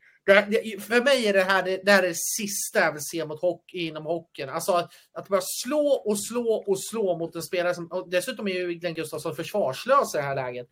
Nej, jag tycker det är fruktansvärt osportsligt och, och jag tycker att det är bra att domarna faktiskt vågar ta ett game misconduct där. Eh, får se om man får någon, någon avstängning. Men snacka om att skälpa sitt eget lag och redan där börjar ju liksom, liksom tändstickorna att, att liksom eh, glöda. Och, och sen att, att Luleå fortsätter och fortsätter och fortsätter. Okej, det finns omdiskuterade situationer. Men man kan inte upp, uppträda så här, framförallt inte som ledare. Okej att man vill ha känslor och allting sånt, men man måste också kunna hantera dem. Det kan ju inte koka över. Nej, så kul att se om eh, kanske har några isbitar i byxorna här på onsdag så han kyler ner sig lite under matchen också. Han blir lite kallare eh, och inte lika het som han var ikväll. Eh, det får vi se, det kanske är ett tips han att ta med lite ispåse och stoppa ner i byxorna som är lite iskall eh, under onsdagens batalj mot Växjö igen. Så vi får se om han är tillbaka i båset och om han är lite lugnare och kanske hämtar sig, hämtar sig lite efter kvällens batalj. Ja, för det känns ju som att Luleå ändå har med, och man gör ju ändå 3-2 där om jag tänker för med, Ja, det med. Honka där. Eh, och då känns det som att man ändå har en biljett in i matchen. Men jag tycker man skjuter sig själva i foten för man, man är för övertaggade. Man klarar inte av de här, de här känslorna som blir liksom. Det är klart att det är en dialog mellan domare och tränare också för att kunna få ha den balansen. Men när man får varning på varning på varning. Jag tror inte att det var det första. Det väl Tobias. Björk tror jag som var domare i den här matchen. Jag tror inte att det är det första. Man, tog, man skickar ju inte upp på tränaren direkt. Men när, när, när det liksom blir varning, varning på varning. Då är det ju nästan som ett P12-lag. Alltså, man kan inte uppträda så här. Nej, jag såg i alla fall fyra, fem sekvenser såg jag på tv fall att Bulan blev liksom rasande med domarna. Så det han att pågå en ganska lång stund där med hans missnöje och hans skrik och viftande och allt vad det nu var. Ja, nej, det, det, är lite, det är lite tråkigt också när man, när man förlorar en match på så sätt. Liksom. Att, att det blir den typen av eftersmaken och framförallt som Komarek agerar där från, från första början. Alltså det, är, nej, det är slarvigt och det är odisciplinerat. Mm. Nej, fast det rinner väldigt mot slutet tycker jag ändå att du gör en helt okej match i två perioder tycker jag. Man liksom håller ändå emot tycker jag. Så att det, skiljer bara ett mål inför tredje perioden. Eller två mål inför tredje perioden. Så jag honkar mål i tredje perioden. Uh, så det står ju 3-2 där liksom, efter typ 4-5 minuter in på tredje perioden. Där. Sen släpper in ett 4-2 mål som ganska kort därefter gör man ju. Um, Luleå efter det börjar tappa sakta men säkert. Och till slut så det kommer ett 5-2 mål och ketchup-effekt blir sen också efter det. Så det. Och efter det tappar man helt med all utvisning och sånt också. Så tills man tappar det helt och tills man liksom släpper in de här snabba målen så gör man nog helt okej. Det är nog ganska bra tycker jag i Luleås del. Man gör godkänd insats i någon tycker jag över två perioder sett. Och det är ju helt jämnt liksom med någon spelmässigt också under två perioder. Så det är inte så att Växjö dominerar en massa matchbilder under två perioder utan det är en ganska jämn matchbild där Växjö är lite, lite vassare i Växjö, lite bättre i Växjö men ändå inte jättemycket bättre och inte jättemycket liksom, dominanta de är inte Växjö heller. Så det är inte helt omöjligt för- Luleå att bryta den matchserien eh, heller, att liksom kvittera den match heller. Utan det är, nu är det liksom hemplan för Luleås del. Är det ju, så det står två matcher i Växjö nu och nu hemplan för Luleås match är det ju. Så då kan jag kvittera två, två matcher nästa match och ha chans att göra det. Och, eh, det känns som att de ändå har någonting på gång Luleå. någon. Även om de är lite arga och odisciplinerade ibland så kan de ändå stå emot på ett bra sätt tycker jag. Yes. Uh, nu var det tekniskt strul här var det också nu så. Andreas försvann nu, Andreas. Hans dator är lite strulig också här. Men vi kör, vi kör vidare tycker jag. Uh, det var alltså kvällens eh, matcher och eh, nu är det bara en match kvar att fokusera på och eh, det var den match spelade i, i lördags då. Det är negativt kval också. Vi är inte det. Är negativt kval också är det ju. Det är ju Brynäs mot Malmö, negativt kvalet. Eh, ett eh, tufft sådant för Brynäs del. Ehm, det blev en... Eh, eller Malmö ledde med 2-0 matcher i Malmö inför eh, lördagens batalj. Eh, och inför lördagen så var ju Brynäs egentligen tvungna att vinna matchen, vad ju Brynäs gör i lördags. På hemmaplan, inför fullsatt. Eh, ERP Monto Arena så var ju liksom Brynäs tvingade att vinna den här matchen i stort sett. Eh, men eh, det var en väldigt jämn match där Brynäs tog ledningen ännu en gång i matchen och började starkt med Brynäs måste jag säga. Det var en väldigt jämn match men Brynäs tog, var väldigt bra i början tycker jag och gjorde väldigt bra där första minuterna och första perioden tycker jag Brynäs var bättre. Sen började Malmö växa in i matchen lite och göra mål gjorde Malmö där, eh, lite slumpartade mål i Malmö men ändå liksom då börjar den växa in i matchen började Malmö göra mer och mer efter, allt eftersom tycker jag. Och Brynäs börjar liksom sjunka lite mer i positionerna tycker jag. Och man börjar liksom gå in i gamla vanor igen med att slarva bort puckar i egen zon, lite för dåliga uppspel, för dåliga urspel eh, och eh, Brynäs slarvar otroligt mycket i egen zon emellanåt. Och det fäller dem lite i matchen tycker jag, att man slarvar lite så mycket. Det är liksom det som fäller. Brynäs i just den här kvalserien, eh, framförallt just i lördagens match också. Så man faller in i gamla vanor i Brynäs eh, och ehm, det är något som är lite oroväckande också att man liksom har den här um, odisciplinerade eh, försvarsspelet där man inte riktigt håller måttet, där man inte riktigt offrar sig, står i skottlinjen och där man slarvar alldeles för mycket. Och där blir det ett stort problem för Brynäs tycker jag. Att man inte håller emot ordentligt där och inte kunna spela ut så man Mm, tufft läge för Brynäs är det helt klart. Eh, med ännu en torsk då, så det blev ju torsk i lördags med 3-4. Eh, och det är ju med tre matcher ligger Brynäs under med nu. Eh, efter eh, tre tajta matcher, men där Malmö har varit bättre och vunnit rättvist. Eh, även om Brynäs var lite vassare i början av matchen i lördags så tog Malmö över allt eftersom. Eh, och eh, omdiskuterat mål borde dessutom som Malmö gjorde 4-3 på, men ändå ett eh, rättvist steg för Malmö. Någon, där Adam Olof Mattsson gjorde hattrick. Det har inte hänt sen, eh, ja, sen medeltiden, men det har inte hänt på väldigt, väldigt länge. Eh, sen han var nio år sa han att han gjorde mål, eller hattrick senast i en match. Eh, men nu blev det ett hattrick på elitnivå för Adam Olof Mattsson. Adam Olof Mattsson, hans första på elitnivå och SHL. Och det är ju bara lyft på hatten för en defensiv back. Adam Olof Mattsson lyckas med det. Och det var inte heller några tre slumpartade mål, det var tre snygga mål måste jag säga, med ett bra skott. Vi ställde också upp på det, Adam Olof Mattsson, så det var otroligt, otroligt skarpt av att ta fram det i detta läget. Eh, så det, ja, intressant. Har du haft monolog här med dig själv? Ja, jag är för jag tvungen att ha det. Du försvann ju här. jag är tvungen att prata med mig själv här. Min, min dator eh, fick någon form av IT-strul så att Då började, bara stängde ner allting så att jag fick ja. starta om hela datorn och eh, komma tillbaka. Men du, du är ju van sen våran Zanzibar-inspelning. ja, exakt. Just det. det var ett tag sedan alltså. Ja. ja. det var ett tag sedan. Det var i, i början av december. Så att, ja, eh, det. Äh, det, där, det där skötte du utmärkt i alla fall. Det vet jag, även om ja. jag inte har hört ett ord. Så att, äh, Brynäs! Brynäs är vi på i alla fall. Kvar ja, men det, det är mm. kvalet i lördags, Andreas. Här, mm. Vad tycker du om lördagens match mellan Brynäs och Malmö? Jag har sagt mitt nu vad tycker om den matchen. Mm. Malmö leder med 300 matcher, har matchboll nu redan imorgon, ons eller imorgon tisdag. Malmö matchboll att kunna avgöra allt, skicka ut Brynäs från, eller från SHL till Hockeysvenskan och Malmö kan säkra kontraktet imorgon. Mm. På hemmais. Det är 12 000 sålda biljetter i Malmö Arena. Det kommer bli stort tryck, stor uppslutning av Malmö-supportrar och det kommer bli otroligt, otroligt rolig match att beskåda från objektiv perspektiv. Den här, den här matchen tror jag faktiskt Malmö kommer att serva hem alla Andy Roddick för att dra lite tennisreferenser. Alltså för att Nej, lördagens match, jag tycker ju inte att Brynäs är riktigt påkopplade. Jag tycker inte att man är, eh, det, det påminner väldigt mycket om de, om de första matcherna. Brynäs kanske gör dock sin bästa match, ja, tycker jag, eh, sett över till, till, de här, till de här två matcherna som har varit tidigare. Det tycker jag faktiskt. Man är ändå med och utmanar och är till mångt och mycket bättre. Men det känns som att man ändå hittar de här vägarna till att förlora till, som det bottenlag man är. Och nej, det, det det räcker inte och jag tror att det är mycket nervositet som spelar in och sådär och liksom eh, inte ens studsa med i den här matchen. För jag tycker ändå att man gör en ganska så bra spelmässigt insats, men det räcker inte. Eh, det går inte riktigt. Eh, jag tycker att Lindbäcks målvaktsspel, han gör det, han, det är inga supertabbar, men det är inte heller att han kommer upp och snor en match på det sättet liksom. Så att det, det, är mycket som faktiskt inte, som inte fungerar och jag tror faktiskt att Malmö slår in 4-0 spärren här nu på, på tisdag ikväll när vi spelar in. Ja, i, Imorgon. Där, ja. ja.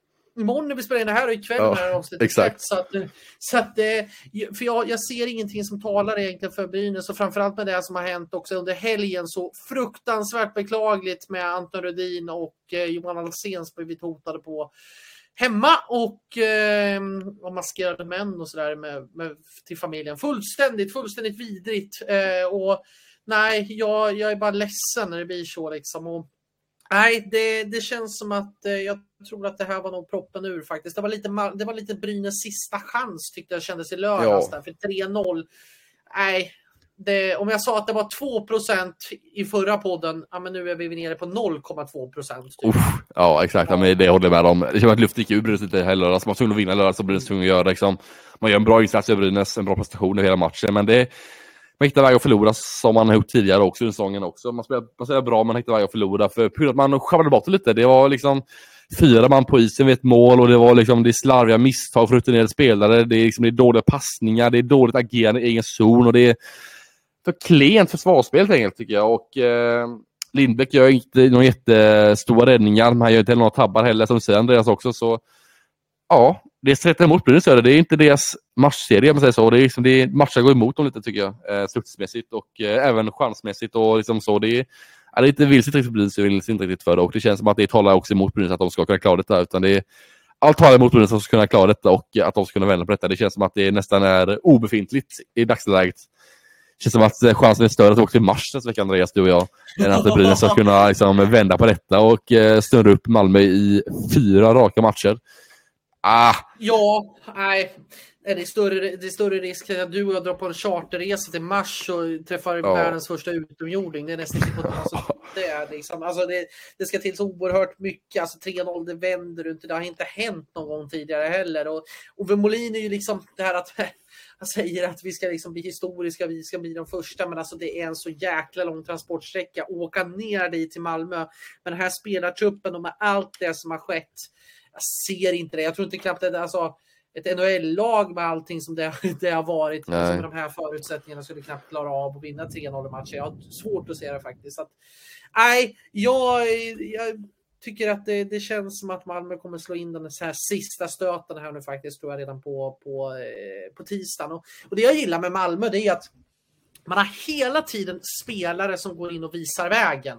Det ser inte kanske spelmässigt briljant ut. Men man har en Adam Molas Mattsson som går in och gör Han gjorde fyra mål den här matchen också. För han gjorde Ja, just det. Men, men, men, men att man har en sån spelare som går fram och är liksom hetare än ett bastuaggregat för en kväll. Liksom. Alltså det, de spelarna ser jag inte i Brynäs på samma sätt. Eh, och det, det är ju så att Malmö har ju fått allting att stämma. Man har fått harmoni i truppen. Man har liksom man har fokuserat på rätt saker, man har behållit kontinuitet, man har liksom fått den här de här spelarna på något sätt gillar den här situationen. Det är ju klart att ingen vill hamna i ett kval, men Malmö har ju tagit det här lite mer som ett slutspel med- medan Mm. Brynäs har ju bara satt in ångest.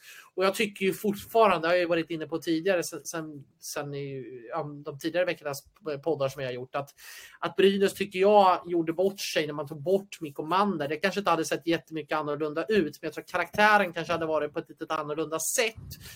För jag tycker att man, man känner, äh, det känns som att den här spelartruppen har varit för mycket. Det har varit för mycket turbulens och för många mörka moln så, som gör att man inte har den här lyftkraften längre kvar. Ja, men jag känner att Malmö, liksom, många spelare i Malmö toppar liksom, formen nu i kvalet. Gör det. Adam Olof Mattsson, Nutti Vitasal och Emil Silva väldigt bra tycker jag också. Eh, Fredrik Hennemark, Carl Söderberg. Många, många toppar formen liksom, i slutspelet tycker jag. I Malmö, till skillnad från Brynäs, där liksom, det är få spelare som sticker ut. Alltså, det är också stora skillnaden mellan lagen i, i, i, i den här kvalserien. Mm. Nej, något annat som jag faktiskt vill lyfta, det är också, har det lite också med, med den eh, med målet där som blev lite omdiskuterat där. Det är faktiskt domarna. Jag tycker de har varit jäkligt bra i det här kvalspelet under hela kvalspelet.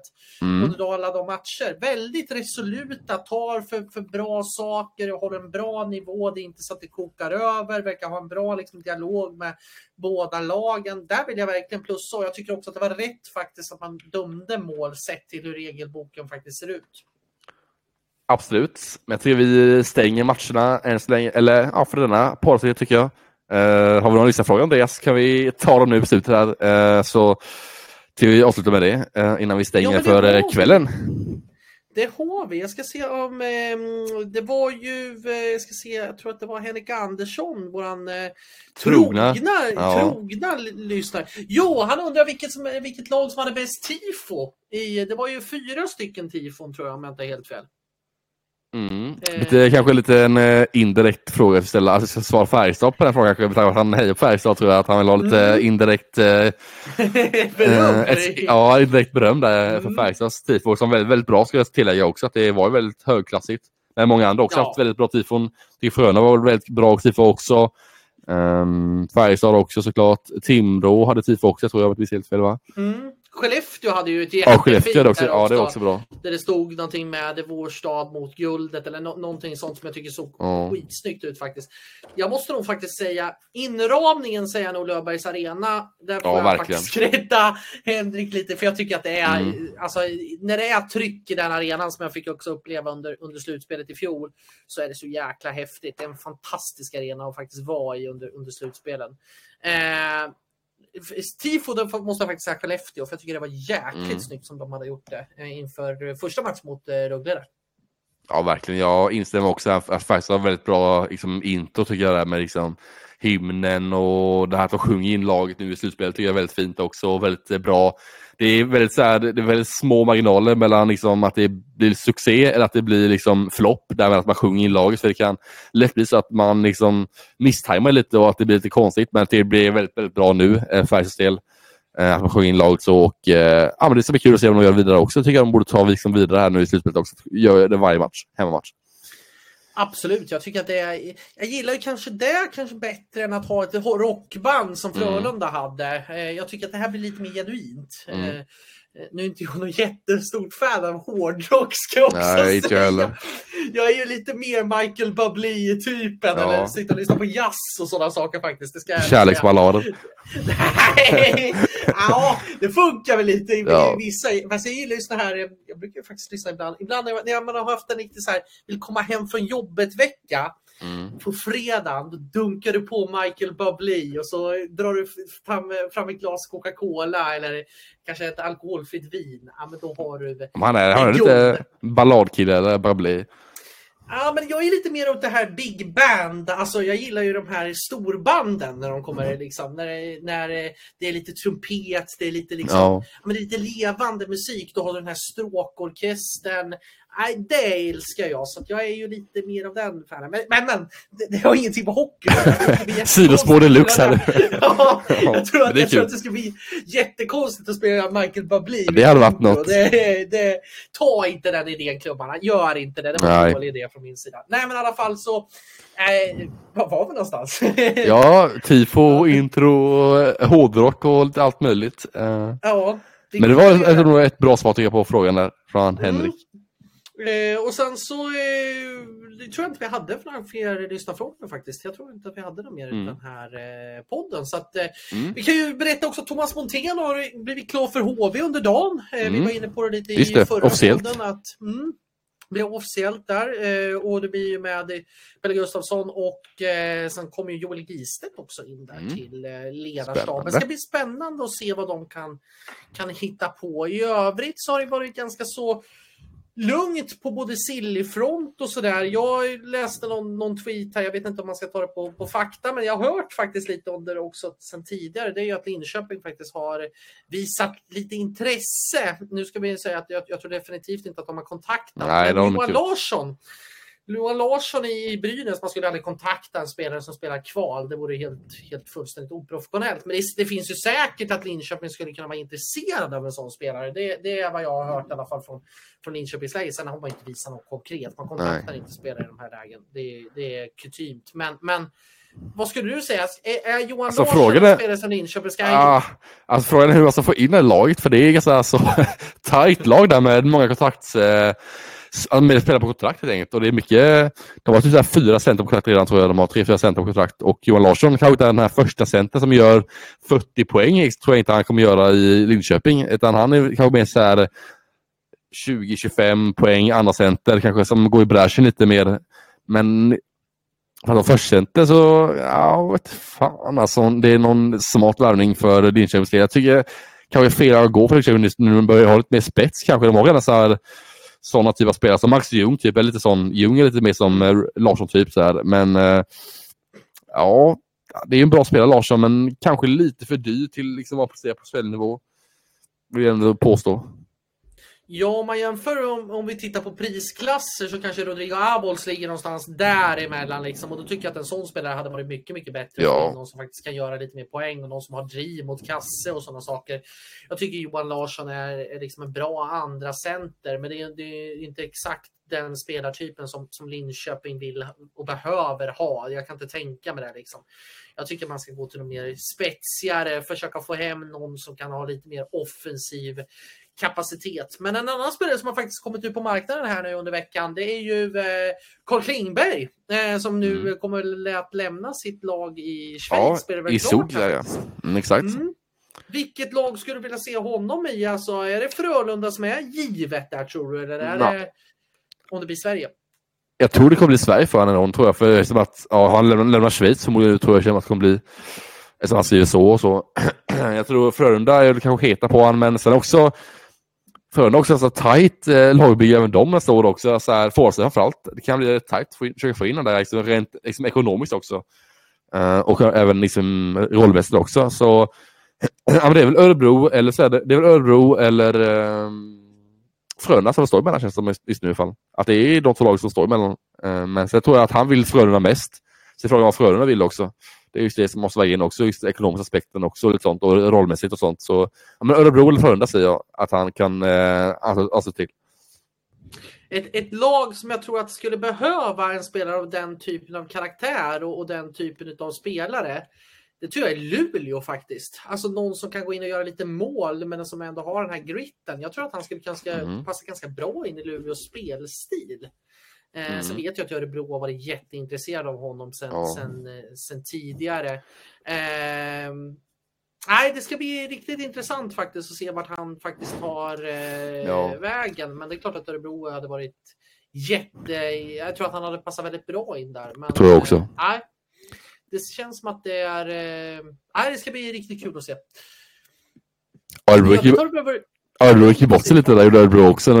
Alltså de fick ju nej tack från, eh, de blev nobbade av Dennis Rasmussen som valde att förlängskontrakt.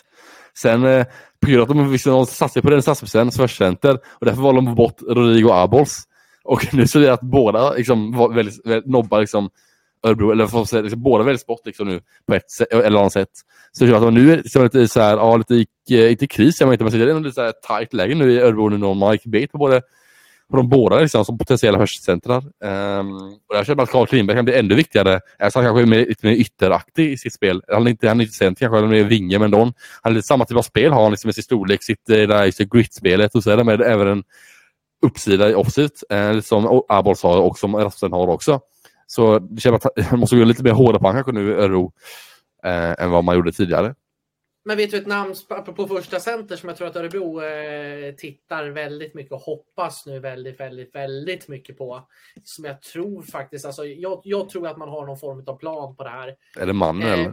Ja, jag tror Aha. faktiskt att den heter Sakari Mannen om jag ska vara ärlig. Alltså ska, om man tittar på lite mer signaler varför mm. man väljer att liksom inte förlänga med Abols och sådana saker. Och, och Rasmussen är kanske inte den typen av, det är klart att han är ganska lik Abos spelstil, mm. men liksom ska du in en första center med lite mer spets och lite mer liksom poänggörande. Och om man tittar på Örebros spelsystem, ja, då är ju Sakari Manninen enormt, alltså det hade ju varit den ultimata drömspelaren tror jag för, för Örebro där med eh, Johan Hedberg som tar över här nu efter Niklas Eriksson. Men det, det, jag tror att Johan Hedberg vill ju spela ganska lik hockey som Niklas Eriksson och jag tror att Manninen hade passat perfekt där. Och Örebro var ju väldigt, väldigt heta på Manninen som eh, redan inför den här säsongen som eh, eh då valde Las Vegas att skriva ett NHL-kontrakt, men skrev ju bara ett ettårskontrakt. Eh, och har ju haft det väldigt väldigt tufft i AHL ska vi säga. Han har bara gjort 29 poäng, bara, men 29 poäng, 6 mål och 23 assist på 43 matcher där och har ju varit lite skadad och sådär. Men det är ju en spetsspelare. Alltså han, gjorde, han var ju grym på VM och avgjorde ju den VM-finalen också tidigare i, ja, för ett år sedan snart nästan. Så att, eh, och var ju med mm. också i den finska OS-truppen och var ju Finlands kanske ett av de bästa spelarna mm. där. Så att, eh, det är klart att det är, alltså för Örebros del så tror jag att det är det ultimata namnet om du frågar. Det som jag är lite rädd för det är att Örebro har eh, tror för mycket på Leino. Jag tror det kan bli alltså Ludvig Larsson för center, Robert Leino andra center, kanske typ eh, ja, men, Eklind eller någon tredje center, sen kanske Masmak fjärde center, Lofsson tredje center, fjärde center där också. Mm. Jag tror man kanske tror lite för mycket på Ludvig Larsson tror jag någon. Det är lite rädd för Örebros del för man, man signade, jag tycker man, man förlängde med Robert Leino här, det gjorde man ju. Som kan mm. gå vinge också delen. Men jag tror att man kanske tror lite för mycket på vissa spel där. Så man, jag tycker man måste få in första som sen, som mannen eller någonting. Så man ändå kan, kanske gick bort lite där eh, med Arbos och Rasmussen. Och framförallt kanske tror lite, lite för mycket på Ludvig Larsson. Och tror lite för mycket kanske på eh, Robert Lina som ska komma upp i liksom, högre nivå så också. Så det är frågan hur man väljer att agera också nu. Liksom, om de, åh, jag vet inte hur de tänker där med sen. Ja, och sen är det ju det att det som kan bli lite mer också, det är att Leo Karlsson, vi vet inte, man vet inte hur det blir med honom heller, genom att han kommer bli draftad här i sommar och ses väl gå faktiskt kanske, ja topp fem kanske rent utav. Eh, det är ju svårt att se då, liksom, jag har ju svårt att se att ett topp fem prospect ska vara kvar i SHL. Ja, nej, han tror jag kommer försvinna. Så det, det, är ju, nej, det, det blir lite knivigt för Niklas ja. Eriksson att gå in här nu efter, ja, efter eh, säsongen och ta tag i de här bitarna. Men det är klart, jag, jag målar ju upp Sakari Manninen som det absoluta drömnamnet faktiskt för Örebro. Jag tror att han hade varit som handen i handsken i det där laget. Verkligen. Uh, annars på silverfronten, eh, det har ju varit Växjö har ju tagit in eh, Erik Martinsson här nu då. Mm. Ja, det var exakt. Mm, och sen även äh, finska poängkungen, eller finska ligans poängkung är på marknaden också nu. Michael Jolie gjorde 67 mm. poäng i finska ligan. Han är på marknaden nu. Äh, är ju ingen, han är ju arbetslös om man säger så. Han är liksom sagt hej då till Helsingfors och nu har jag inte hittat en ny klubb han gjort. Inte officiellt i alla fall och inte någon som ryktesmässigt heller. Utan han är just nu på marknaden också, Michael Jolie. Alltså, lite mindre i vinge liksom. Han är vinge, en högytter. Um, typ 1,80 lång tror jag han är, sånt. Väger runt 80-85 kilo kanske. Ändå en intressant spelare också. Kanske de kan klicka i något SHL kanske.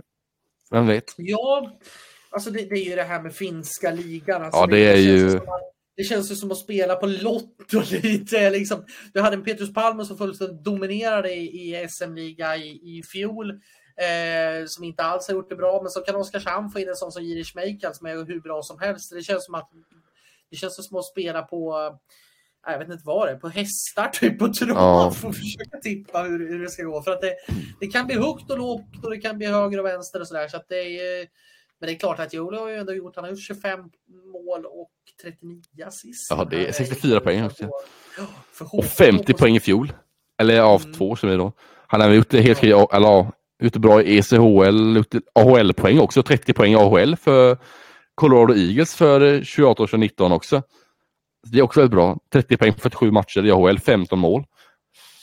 Verkligen, och har ju, eh, nej men det är ju inte offensivt. Jag har ju sett honom lite faktiskt från finska ligan eh, sen, sen, tidigare faktiskt. Och det är just hans spel, spel, alltså hur han läser spelet offensivt och hans puckhandling är väldigt, väldigt bra också. Så att, det är klart att det är en intressant spelare som kanske som kanske skulle ha ett bra skott också. Så att det är ju, det är ju en spelare som verkligen skulle vara intressant att se. Men vi såg i fjol Petrus Palm och mm. med, det, med det alltså varken färgade i Örebro eller Linköping. Men eh, det kan ju också bli en, en ny Irish Maker. Så att, eller en ny, eh, så att det, det är svårt. Jag tycker också alltså här, sådana spelare som eh, Jolie, han har ju visat sig liksom i, alltså i Nordamerika, i AHL, i ECHL, har gjort väldigt bra poäng där också och även två i finska liga. Det känns lite mer, lite mer, eh, ändå lite mer så här självsäkert att ta in han nu, utan att han har levererat i flera ligor. Kolla Palme har liksom mest, det har han varit mest i Finland liksom, och har ju varit med i liksom en form i en liga.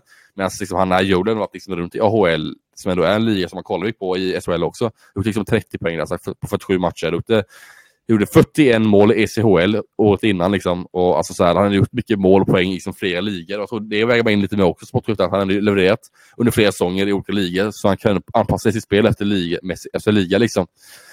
Så jag tror man, det känns lite mer säkert att ta in liksom en sån spelare än att ta in liksom Petrus Palm som spelat i liksom en liga stort sett i hela livet. Eller att ta in en sån spelare som kanske eh, Ola Palme som är lite, lite mer stukad. Liksom, eller så, någon sån spelare. Liksom. Så ja. Ja, känns inte det här, skulle Björklöven gå upp, då känns ju det här riktigt som en Per Kente-värvning. Ja. ja, jo, det, det, det är faktiskt sant. Ja. Det, ja. Det, det, det, känns som en så här patenterad Per Kente-värvning. Alltså den ultimata Per Kente-värvningen på något sätt. Han spelat i liksom ECHL och liksom. Ja. Nej, det, det, känns verkligen som att det hade varit... Eh, ja, men fan eh, den. Ja. Den spaningen gillar jag dig faktiskt. Jag gillar spaningen av dig. Det är ja. bra. Ja, i övrigt i hockeyvärlden så kan vi berätta att eh, Jesper Kandegård får lämna Leksand. Eh, blev klart idag mm. när vi poddade här. Och sen en annan inspelare, Artur Ruotsalainen, har ju fått lämna Kloten faktiskt i Zürich. Eh, mm. En spelare som har varit på väg till HV71 men som nyligen eh, sades att han inte kommer gå dit. Det, det blir väl kanske... Mm. Lugano tror jag heter på han. Mm. Eh, jag tror Lugano har sagt. Artur Ruotsalainen ja, väldigt, väldigt bra i svenska ligan verkligen. Det här är ju en spetsspelare deluxe. Alltså det här är en riktigt, riktigt bra lirare i bra ålder också. 25 år bara och nej, har ju gjort massa NHL-matcher också. Så det är ju, det är ju. Eh, nej, jag tror definitivt att det här kan ju svenska klubbar räkna bort. Eh, mm. Så att ja, det fick en ja. lite sillig genomgång. Det var, det var mm. lite på uppstuds här, men vi Verkligen. vidare på så sätt. Det är lite det är spontant med det här, men det är så det är i slutspel. Eh, det är lite spontant, lite silly, lite slutspel, lite allt, allt i ett liksom blir nu i de här lite datorn laggar ur, datorn laggar ja, ur och Melker får får ha monologer ja. och det är, det är redan ja, Det är helt okej det också. Ja, och klockan börjar faktiskt bli strax efter elva här, men vi, mm. vi, jobbar, vi jobbar nattskiftet här nu. Jobbar 24 timmar dygnet. Ja, ja. Det är hockey 24 timmar dygnet och det är podd och det är hockey och det är analyser och det är lite allt möjligt nu. Mest hockey, ja. eh, så det är kul. Ja, det rullar på. Det gör det. Och vi finns med här under slutspelet. Ja, och vi ser det så för idag. Jag ses på fredag igen. Eh, eller torsdag för oss. Vi kommer se på torsdag kommer vi spela in, men det kommer ut, kommer ut på fredag. Är tanken. Podden med två i veckan också. Så det är även då får ni lyssna och stanna kvar och eh, då blir det mer analyser från kvartsfinalerna som kommer här nu i veckan. Eh, både imorgon eh, och på onsdag och även torsdag då också. Och sen även då det kvalet då, om Malmö har lyckats eh, säkra SL-platsen eller inte. Det kanske vi får svar på eh, nästa vecka, eller ja, nästa poddavsnitt som är på fredag. Då. Så det är lite allt möjligt då oss fram emot. Vi kanske, har, vi kanske har ett lag som faktiskt är nere i uh, Hockeyallsvenskan och, och eller så har vi uh, en match som fortsatt rulla på, så det vet ja, man inte. Det, det, det, blir, det blir uh, enormt rolig hockeyvecka i alla fall. Så vi stänger butiken. Har ni lyssnarfrågor, kontakta oss på Twitter. Vi svarar på det bästa. Allt utom typ domartjafs tar vi emot. så det, det, det, där, där går ja. gränsen. Men, men vill ni komma med någonting annat, silly-snack eller någonting, bara hör av er så fixar vi det. Yes. Stänger butiken för idag. Ha det bra nu. Vi ses på fredag. Hej då.